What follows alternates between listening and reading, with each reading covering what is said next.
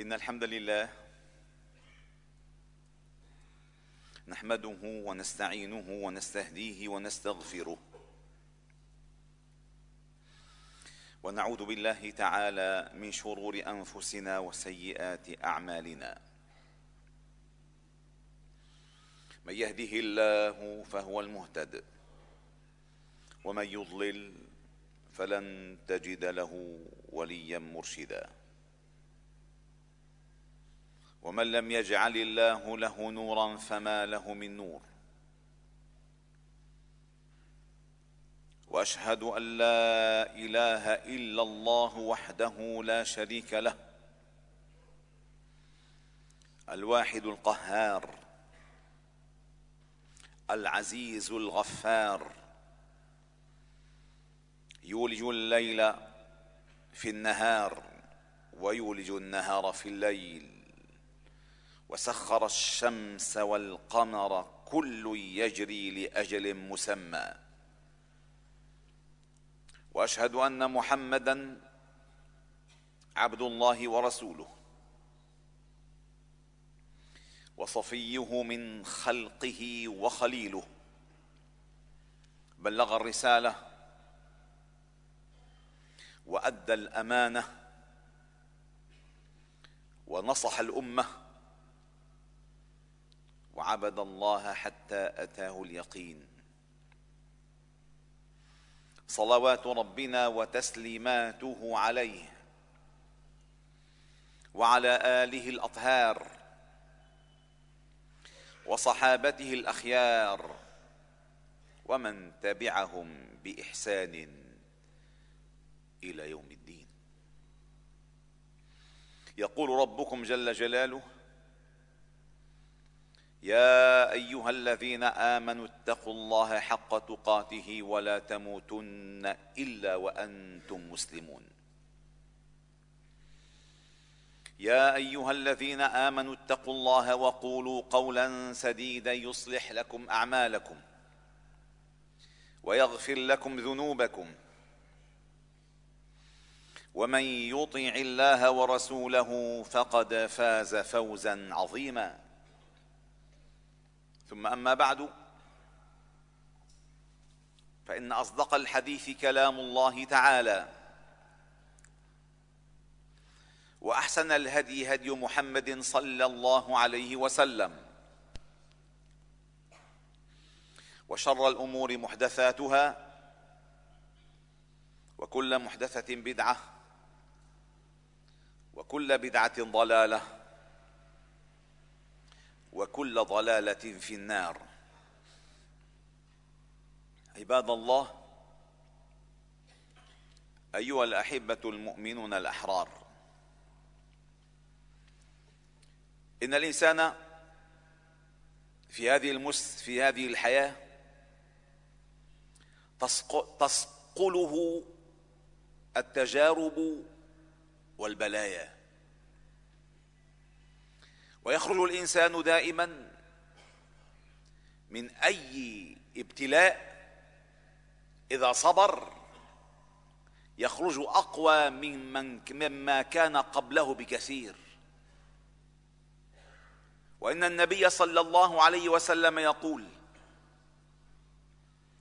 إن عظم الجزاء مع عظم البلاء.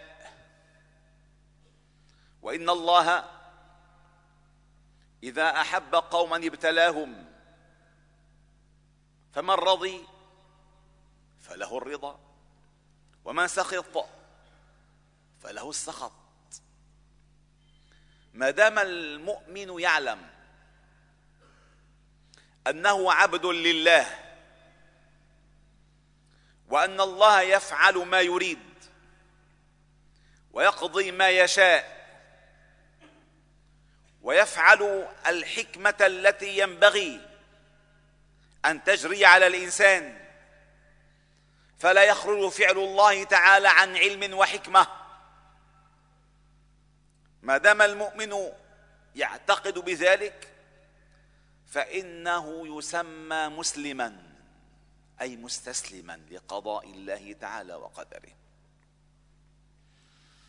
والنبي صلى الله عليه وسلم يطمئن. المؤمنين. أن الله تعالى متم هذا النور وناشر هذا الدين ولو كاده كل من في الأرض.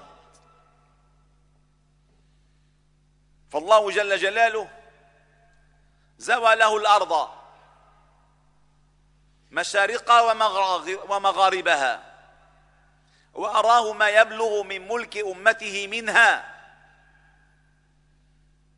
وأعلمه أن هذا الدين سيظهر على الدين كله أي على كافة الأديان.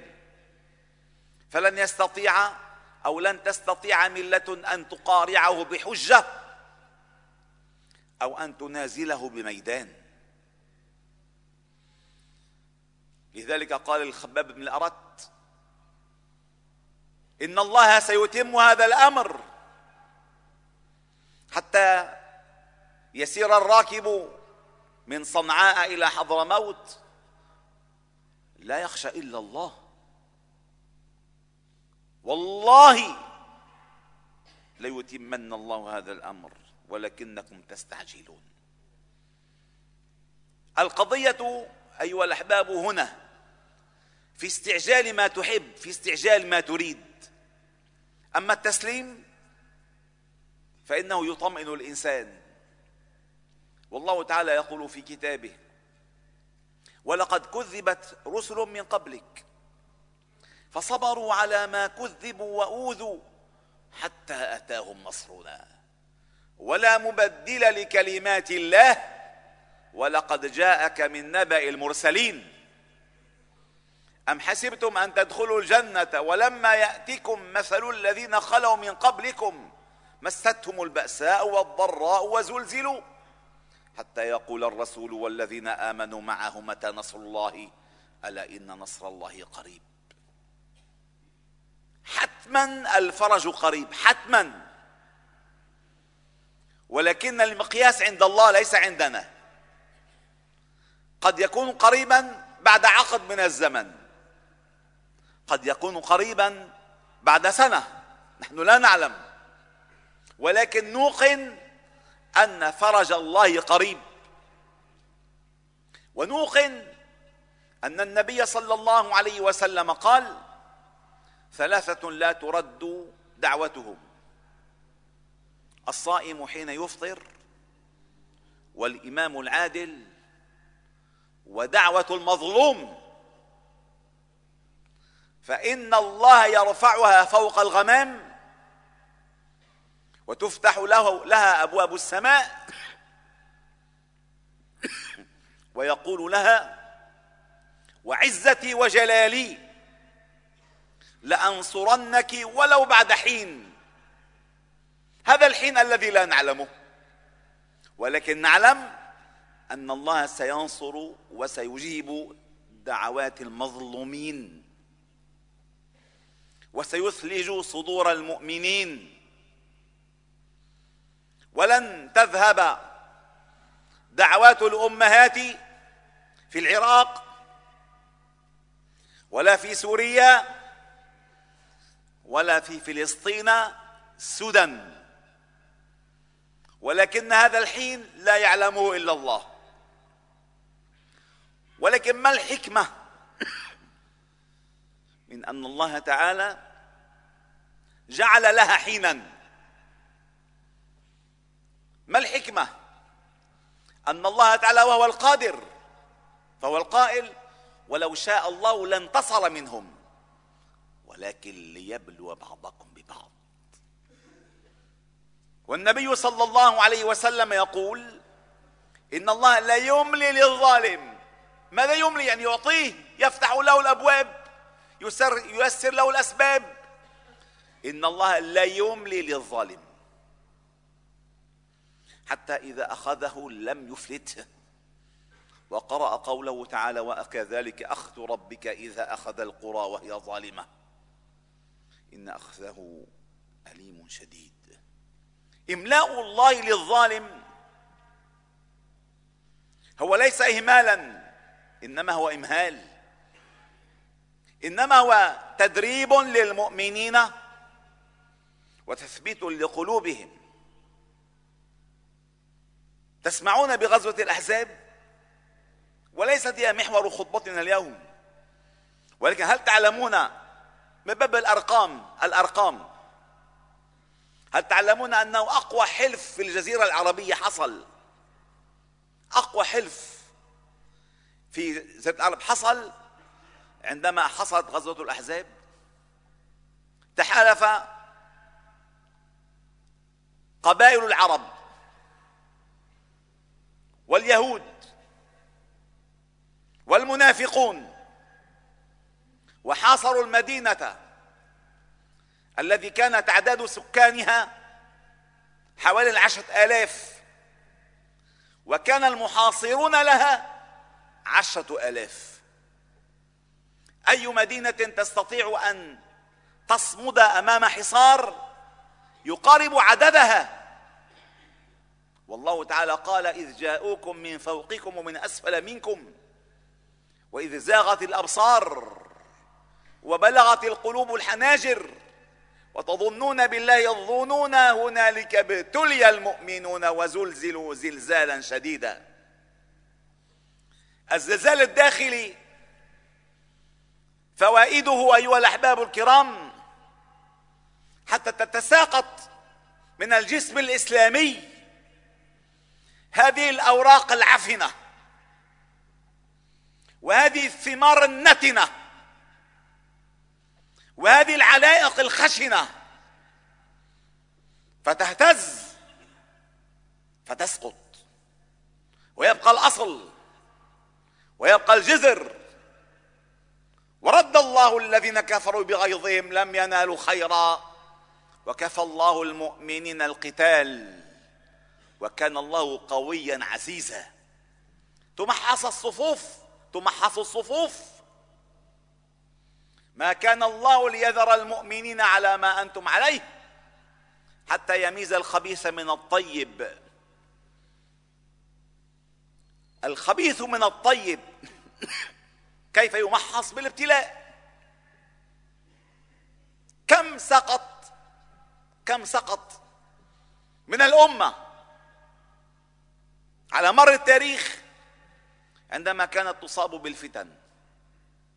وكم كشف من أعداء الأمة عندما تذبح الأطفال وتقتل النساء وتدمر المساجد وتقصف المستشفيات والمتغنون؟ بالحقوق والإنسانية صم بكم عمي فهم لا يعقلون. هذا ليس هذا نصر بحد نفسه والله نصر. لأن الله تعالى أراد أن يكشف لك ما كنت تجهله أنت. ولكن الثمرة أن تأخذ الموقف المطلوب.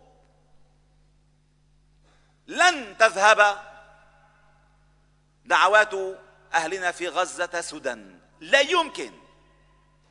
متى هو لا نعلم. ولو بعد حين. لن تذهب هذه الدعوات من أطفال غزة من بنات غزة. لن تذهب دعواتهم في غيابات الوادي. ستجد حتما لها آذانا تصغي لها وتسمعها. متى هو ولو بعد حين. قد يكون آخر هذا الجيل. قد يكون الجيل الجيل الذي بعده نحن لا نعلم. ولكن أحيانا تحتاج الطبخة إلى مدة زمنية حتى تنضج. والنار الهادئة أيها الأحباب الكرام هي التي تنضج أو تنضج. فكلما كنا باستقبال بتسليم لقضاء الله تعالى وقدره كلما كانت خطواتنا ثابتة وأفكارنا متزنة. لذلك أيها المسلمون أيها الأحباب الكرام عندما نرى ما يحصل في العالم للأمة الإسلامية فقط وتزداد الأزمات وإلى الآن ليس من بريق أمل ولكن كونوا على يقين أنه كلما اشتدت الأزمات استودادا وانسدادا يعني كلما قرب انبلاج فجرها. واعلموا علم اليقين أن الروض سيورق وأن الفجر سيشرق. وأن الحق سيعلو وأن الباطل سيزهق. وأنه بعد الجوع شبعا وبعد الظمأ ريا وبعد المرض عافية وبعد الدمعة بسمة وبعد القسوة رحمة وأن مع العسر يسرا. إن مع العسر يسرا. ولكن أين قلبك أنت؟ أين تسليمك؟ أين بصرك؟ أين بصيرتك؟ أين علمك؟ أين تدبيرك؟ أين فهمك؟ أين موقفك؟ هذا الذي ينبغي أن نفتش عنه. الحجارة والله لا قيمة لها. هل هناك أعظم من بيوت الله في الأرض؟ ليس هناك أعظم. ولكن أن تبنى المساجد وتحرف العقائد لا قيمة لتلك المساجد. أن تبقى المساجد عامرة قائمة مزينة. وأن يدخل وأن تدخل الفتن إلى قلوب الناس لا قيمة لهذه المساجد. لأن الله يقول في كتابه والفتنة أشد من القتل. ولأن النبي صلى الله عليه وسلم أمر بنفسه أن يحرق مسجد سماه ضرارا وكفرا وتفريقا بين المؤمنين. دور العبادات والعمارات والمدن والحواري والشوارع قيمتها فيما تغرسه من أخلاق وقيم في النفوس. فإن دمر أعداؤنا مساجدنا شوارعنا أحياءنا ليس ليست خسارة ابدا. إنما الخسارة كل خسارة أن يصبح عند الناس أن اليهود شعب مسالم. أنه يمكن أن نعيش وحقوقنا مغصوبة ويمكن أن نعيش بلا مقاومة أي بلا جهاد بلا مطالبة بحقوق. هذه الفتنة بعينها وهذا الدمار بعينه.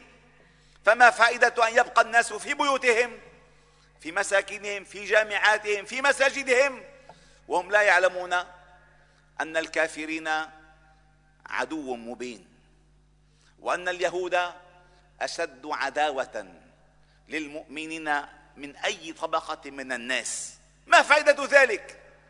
لذلك أيها المسلمون مهما قوي الظلم فاستبشروا بقرب الفرج ولكن فتشوا عن قلوبكم فتشوا عن بصيرتكم فتشوا عن تمسك تمسككم بدينكم. ثباتكم على الحق. أين هو؟ هل مثلا تقولون يا أخي شو بدنا الشغلة خلي الناس عايشين. وبدنا نعيش. هل هذا يرد إلى الفكر؟ إذا ورد هذا إلى الفكر فاعلموا أن الفتنة تبدأ تتغلغل في النفوس. والدين سيبدأ بالانهيار من النفوس. وهذا أكبر خطر أيها الأحباب الكرام. أصحاب الأخدود قتلوا. أصحاب النبي صلى الله عليه وسلم هجروا. الأنبياء نشروا. ولكن الحق بقي وحده. هو المرتفع. والله جل جلاله سيجعل كلمته هي العليا.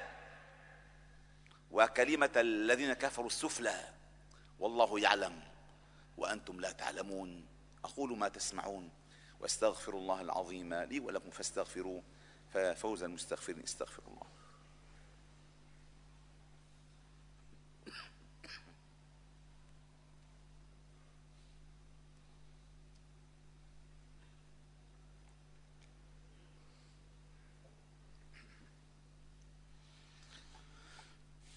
الحمد لله وكفى. وسلام على عباده الذين اصطفى. وأشهد أن لا إله إلا الله وحده. نصر عبده وصدق وعده وأعز جنده وهزم الأحزاب وحده. لا شيء قبله ولا شيء بعده. ولا نعبد إلا إياه. مخلصين له الدين ولو كره الكافرون. وأشهد أن محمدا عبده ورسوله. وصفيه من خلقه وخليله. بلغ الرسالة وأدى الأمانة. وجاهد في الله حق جهاده وعبد الله حتى أتاه اليقين. عباد الله أيها الأحبة المؤمنون يحاول الكثير ممن يريد الفتنة في لبنان أن يصور أن يصور المسلمين السنة في لبنان إما عملاء وإما أذلاء وإما خانعين وإما طالبي سلطة وجاه. حتى تتم لهم مشروعاتهم. ويحاول البعض أن يتناول المرجعية السنية السياسية والدينية لا لما يخطئون به من أداء إنما لما يشغلون من مراكز. وهذه هي نقطة الأساس أيها الأحباب الكرام. فنحن عمر بن الخطاب اللهم ارضى عنه أمير المؤمنين. أمير المؤمنين الفاروق. عندما أخطأ في تحديد قيمة المهور قامت امرأة في المسجد ونصحته في ذلك فقال أصابت امرأة وأخطأ عمر. لا يعني ذلك أنه لا ينبغي أن ينصح مسؤول أو أن يوعظ أو أن توعظ مرجعية ابدا ولكن احذروا من الخلط ما بين الإضاءة على خطأ أداء والهدف من نيل المركز. هذا شيء لا يمكن أن يسمح فيه ابدا خصوصا في لبنان. فنحن في لبنان شراكة. إما أن تكون شراكة حقيقية أو لا قيمة لهذه الشراكة.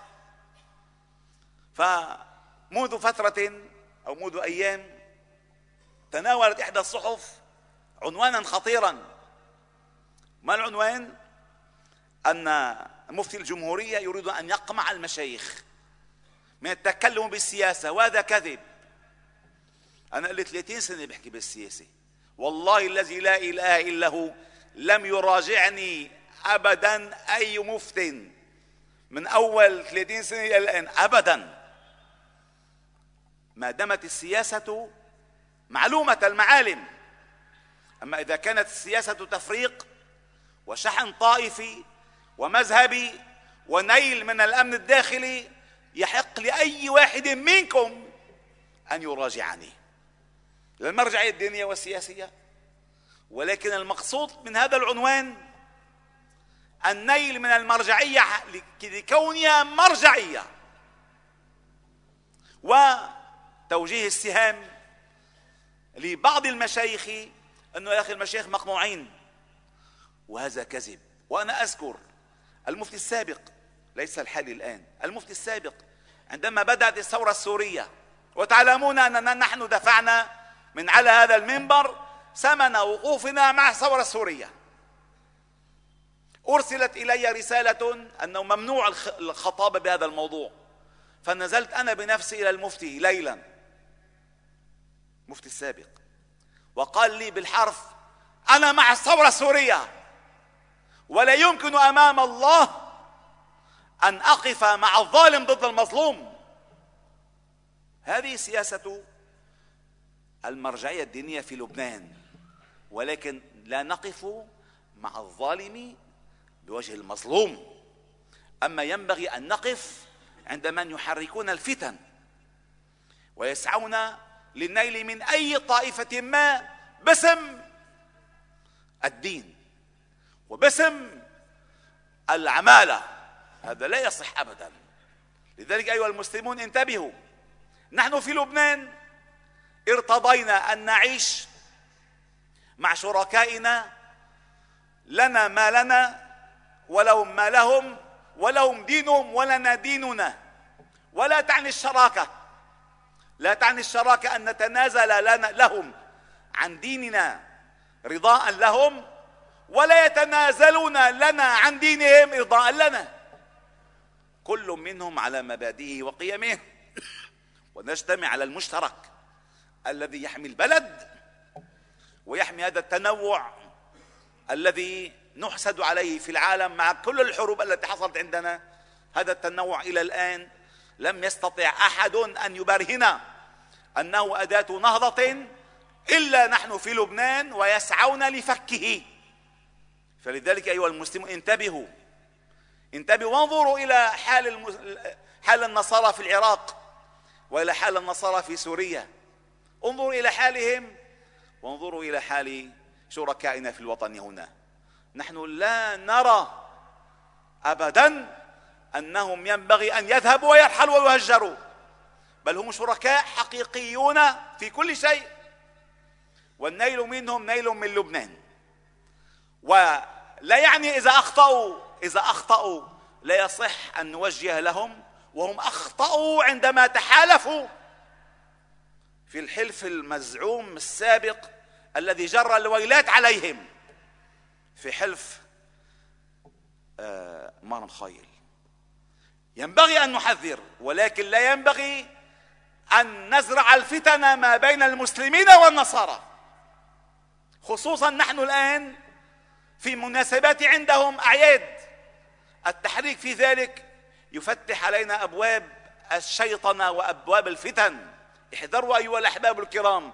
والحمد لله السلطات الأمنية كمشت يلي حرق شجرة الميلاد مع إنه شجرة الميلاد ليست من ديننا ولا من دينهم هم يحترمونها لهم ذلك. نحن لا نتكلم في هذه المسألة ولكن كمش وضبط الفاعل وعلم أنه ليس له علاقة لا بمتطرفين ولا بمساجد ولا بأصحاب لحى ولا بملتزمين. وطوي الملف. وهكذا صدقوني أيها الأحباب الكرام كل اعتداء يحصل على شركائنا في الوطن. إياكم أن تظنوا أنه خريج مساجد ومشايخ ابدا. فالمشايخ في لبنان أحرص الناس على أن يحافظوا على وجود هذا الكيان في لبنان. وغيرهم أحرص الناس على إفساد هذا العلاقة ما بين المسلمين وغيرهم في هذا البلد. فاتقوا الله عباد الله. واحرصوا على ما ينفعكم واستعينوا بالله تعالى ولا تعجزوا. واذكروا أن الله تعالى قال في كتابه إن الله وملائكته يصلون على النبي. يا أيها الذين آمنوا صلوا عليه وسلموا تسليما. اللهم صل على محمد وعلى آل محمد كما صليت على إبراهيم وعلى آل إبراهيم. وبارك على محمد وعلى آل محمد كما باركت على إبراهيم وعلى آل إبراهيم في العالمين. إنك حميد مجيد. وارض اللهم عن الخلفاء الراشدين والصحابة والتابعين ومن تبعهم بإحسان إلى يوم الدين وعنا معهم برحمتك يا أرحم الراحمين. اللهم ارحمنا فإنك بنا راحم ولا تعذبنا فإنك علينا قادر ولا تسلط علينا بذنوبنا من لا يخافك ولا يرحمنا. يا حي يا قيوم برحمتك نستغيث أصلح لنا شأننا كله. ولا تكلنا إلى أنفسنا طرفة عين ولا أقل ولا أكثر إلهنا مولانا أنت رب العالمين. اللهم اهدنا واهد بنا واجعلنا سببا لمن اهتدى. اجعل اللهم هداة مهتدين غير ضالين ولا مضلين. سلما لأوليائك وحربا على أعدائك. نحب بحبك من أحبك ونعادي بعداوتك من خالف أمرك. اللهم اهدي شبابنا اللهم اهدي رجالنا اللهم اهدي نساءنا اللهم اهدي أبناءنا وبناتنا اللهم اهدي أمهاتنا وآباءنا. ربنا ارحمهما كما ربيانا صغارا. اللهم اهدي علماءنا للقول الحق.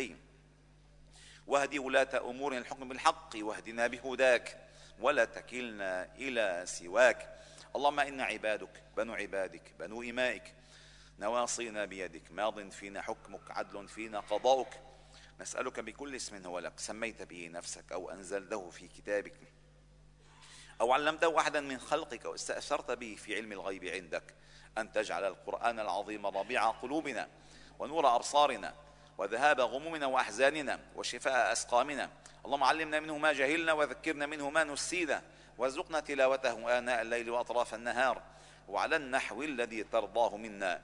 اجعل اللهم في حياتنا إماما ونورا. وفي قبرنا أنيسا ونورا. وعند حشرنا شفيعا ونورا. اجعل اللهم حجة لنا ولا تجعله حجة علينا. اللهم أحسن عاقبتنا في الأمور كلها. وأجرنا من خزي الدنيا وعذاب الآخرة. اللهم استر عوراتنا اللهم آمن روعاتنا محفظنا من بين أيدينا ومن خلفنا وعن أيماننا وعن شمائلنا ومن فوقنا. ونعوذ بعظمتك أن نغتال من تحتنا. اللهم اجعل هذا البلد سخاء رخاء حفظا وامنا بحفظك وأمنك.